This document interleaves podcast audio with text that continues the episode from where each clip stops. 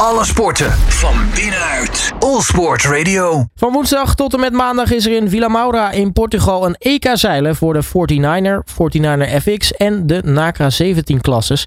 Namens Team Allianz hadden het een mooie mix van zeilers die zich voorbereiden op de Olympische Spelen en jonge talenten hun opwachting maken. Wat kunnen we gaan verwachten van komende week? Nou, daarover ga ik in gesprek met Simon Keizer van het Watersportverbond. Simon, hele goedemiddag. Ja, hallo. Goedemiddag. Ja, hoe is het daar in Portugal? nou, uh, beter dan in Nederland, denk ik. Ehm, maar ja, het is vooral uh, goede condities om, uh, om wedstrijd te zeilen. Ja, en het water is warm, dat is het belangrijkste. Dat dit soort evenementen natuurlijk meer in het zuiden van Europa gehouden worden in de winter. Nou, ik kan me goed voorstellen, want sowieso, een, een EK zo laat in het jaar, is dat iets wat gebruikelijk is? Nou, ja, de meeste EK's in onze sport, in uh, Olympische zeilsport, die zijn uh, mei, juni inderdaad. En uh, ja, deze is, ja, ik weet niet waarom, maar dat zijn tien verschillende Olympische disciplines. En, en elke discipline heeft zijn eigen EK elk jaar, dus die mogen het zelf beslissen wanneer en waar dat is. Mogen een locatie uitgevallen dat die het verzet moeten hebben. Maar deze was eerst gepland in oktober, sterker nog. Maar goed, het gebeurt nu en het, is, het is inderdaad een Europees kampioenschap. En ja, er zijn inderdaad wel wat. Eigenlijk alle, alle grote namen wereldwijd zijn wel aanwezig. Want ja, iedereen is wel in voorbereiding op Parijs 24 ook. Nou, dat betekent ook dat er namens Nederland een, een hoop toppers aan de start staan. Ja, nou, er zijn natuurlijk, wat je net ook al in je introductie zei, er zijn een aantal die al bijna zeker zijn of zeker zijn van deelname aan de Olympische Spelen. Maar ja, dan gaan die, uh, de Team Allianz, de nationale selectie van het Watersportverbond, die gaan we ook uitbreiden met uh, natuurlijk een aantal talenten die in gaan stromen nu. Uh, die op weg zijn naar 2028 Los Angeles of 2032 Brisbane. Want daar zijn de volgende twee Olympische Spelen. Dus zeker de Nederlandse kans hebben ze. En wereldkampioenen, Bart Lambrix, Floris van der Werken, die varen daar in de 49 Dat is een skiffboot. Daar, daar hang je met z'n tweeën buiten aan het trapeze. Uh, en dat 49 de vrouwenversie daarvan, de FX, Female Extreme heet dat, daar vaart uh, van Arnol en Annette Duits varen daar. En die zijn al zeker van deelname de Spelen. En Bart en Floris ook. Al, alhoewel dit is formeel hun laatste evenement van de nationale selectie. En, en beide teams zijn meervoudig wereldkampioen. Bart en Floris waren dat afgelopen jaar ook nog in Den Haag zijn ze wereldkampioen geworden. Dus dat zijn ook wel een van de favorieten. En in de de, de, derde klasse die daar rondvaart, de derde discipline is uh, uh, de multihul, de katamaran. Waarin wij uh, een team hebben wat afgelopen jaar vierde werd op het WK in Den Haag. En eigenlijk ook zo goed als zeker is van de deelname. Eigenlijk is de formaliteit. Na dit evenement worden ze voorgedragen aan NRC NSF om, um, om ja, volgend jaar mee te doen in Parijs. Of ja, Parijs. En dan is het wel interessant om te het zeilen van Parijs is in Marseille. Maar goed. Dan weet je dat ook. Precies.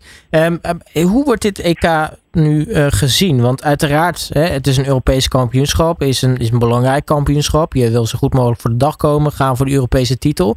Maar aan de andere kant, ja, dit is natuurlijk ook een, een mooi moment om misschien iets te proberen richting, richting de Spelen. Om misschien iets anders uh, te doen. Hoe, zien de topzeilers dat?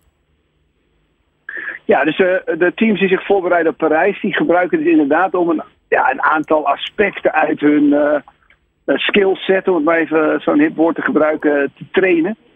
Um, ja, omdat het ook niet een piekevenement is. Dus WK in Den Haag was uh, voor de meesten het piekevenement. Daarvoor hebben we nog een Olympisch test-event gehad in Marseille. Dat ook nog wel een piekevenement kon zijn bij sommigen, maar dan ook nog eens een keer een EK pieken. Ja, wij weten gewoon uit ervaring dat dat heeft geen zin. Dus uh, één, twee keer per jaar pieken is, is prima. En dan dit EK wordt inderdaad gebruikt bij de dames dan om te starten. Um, en uh, bij de mannen, ja, eigenlijk, eh, die zijn eigenlijk continu wel met verbeterprocessen op meerdere aspecten nodig. En bezig. Dus ja, en bij de, in de NACRA-klasse eigenlijk ook wel. Kijk, de start is voor iedereen heel belangrijk om te oefenen. het mooie is, die start is, ik wil niet zeggen 80% van je wedstrijd, maar als die start niet goed gaat, dan heb je het wel vrij lastig. En als je een goede start hebt, dan, ja, dan heb je bij wijze van spreken al het eerste kruisdag zoveel voordeel. Dan een grote kans dat je in elk geval in de top 5 eh, zit van die race. En dat starten kan natuurlijk hartstikke mooi op een EK, want daar is het niveau heel hoog. En sommige landen zijn daar nog bezig met Olympische kwalificaties. Dus het is niet zo dat iedereen daar uh, zeg maar geen piek-evenement van maakt. Ja, precies. Dus wat, wat ons betreft een mooi platform om op heel hoog niveau sommige skills verder te ontwikkelen. Dat geldt sowieso voor de topzeilers. Hoe zit het met nou ja, die talenten die je ook al noemde? Die, die, die willen zich natuurlijk sowieso laten zien op dit EK. Ja, nou ja, dat is natuurlijk prachtig dat. net zoals in alle andere sporten is de overstap van ja, nationaal talentteam naar zeg maar de nationale selectie en dan met de senioren meedoen, is best een grote stap. Ineens,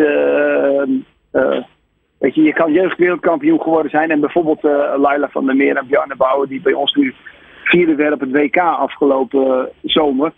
Ja, die werden ook een keer jeugd uh, wereldkampioen, jeugd Olympisch kampioen, uh, weet je. Maar ja, dat, dat duurt er nog wel twee, drie jaar voordat die echt bij de wereldtop aanhaken. Dus die, die hebben een lange weg te gaan. Maar ja, die willen ideaal gezien wel bij de top 20 eindigen. Natuurlijk, dat zou in hun proces op weg naar ja, 2028, weet je, langere termijn doelen. Of ja, is dat natuurlijk wel, ja, er zit genoeg ambitie in. Anders zou ze ook niet staan. Nou, we gaan het allemaal zien hoe zij het er vanaf gaat brengen. Tot slot ben ik eigenlijk wel benieuwd, uh, Simon. Wat, wat, wat, wat, wat hoop jij qua resultaat dit, dit EK? nou, we gaan daar geen druk op leggen. Maar het mooie is, het zijn allemaal topsporters. En uh, dat zeggen ze zelf eigenlijk ook wel. Ja, ze vinden het ook gewoon, ze hebben ook wel zin om te racen. Na het WK hebben de meesten al even een pauze genomen. Dus die willen heel graag uh, weer in actie komen. En ja, natuurlijk trainen ze en oefenen ze dan de start. Maar ja, als je een goede start hebt en je zit in die race, ja, natuurlijk wil je winnen.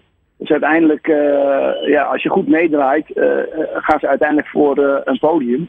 Dus ja, het zou goed zijn dat we hebben twee wereldkampioenen in, daarin rondvaren, mensen die in de wereldtop meedoen. En die moeten wel, het mooi zijn, ik moet, ik, moet, ik, ik moet ze geen druk opleggen, maar ik verwacht wel dat die in de top 5 allemaal gaan eindigen. We gaan het zien. In ieder geval vanaf uh, vandaag uh, tot en met uh, komende maandag dat EK in, in Portugal. Simon Keizer, dankjewel voor je tijd en heel erg veel succes daar. Ja, graag gedaan. Dankjewel. Alle sporten van binnenuit. All Sport Radio.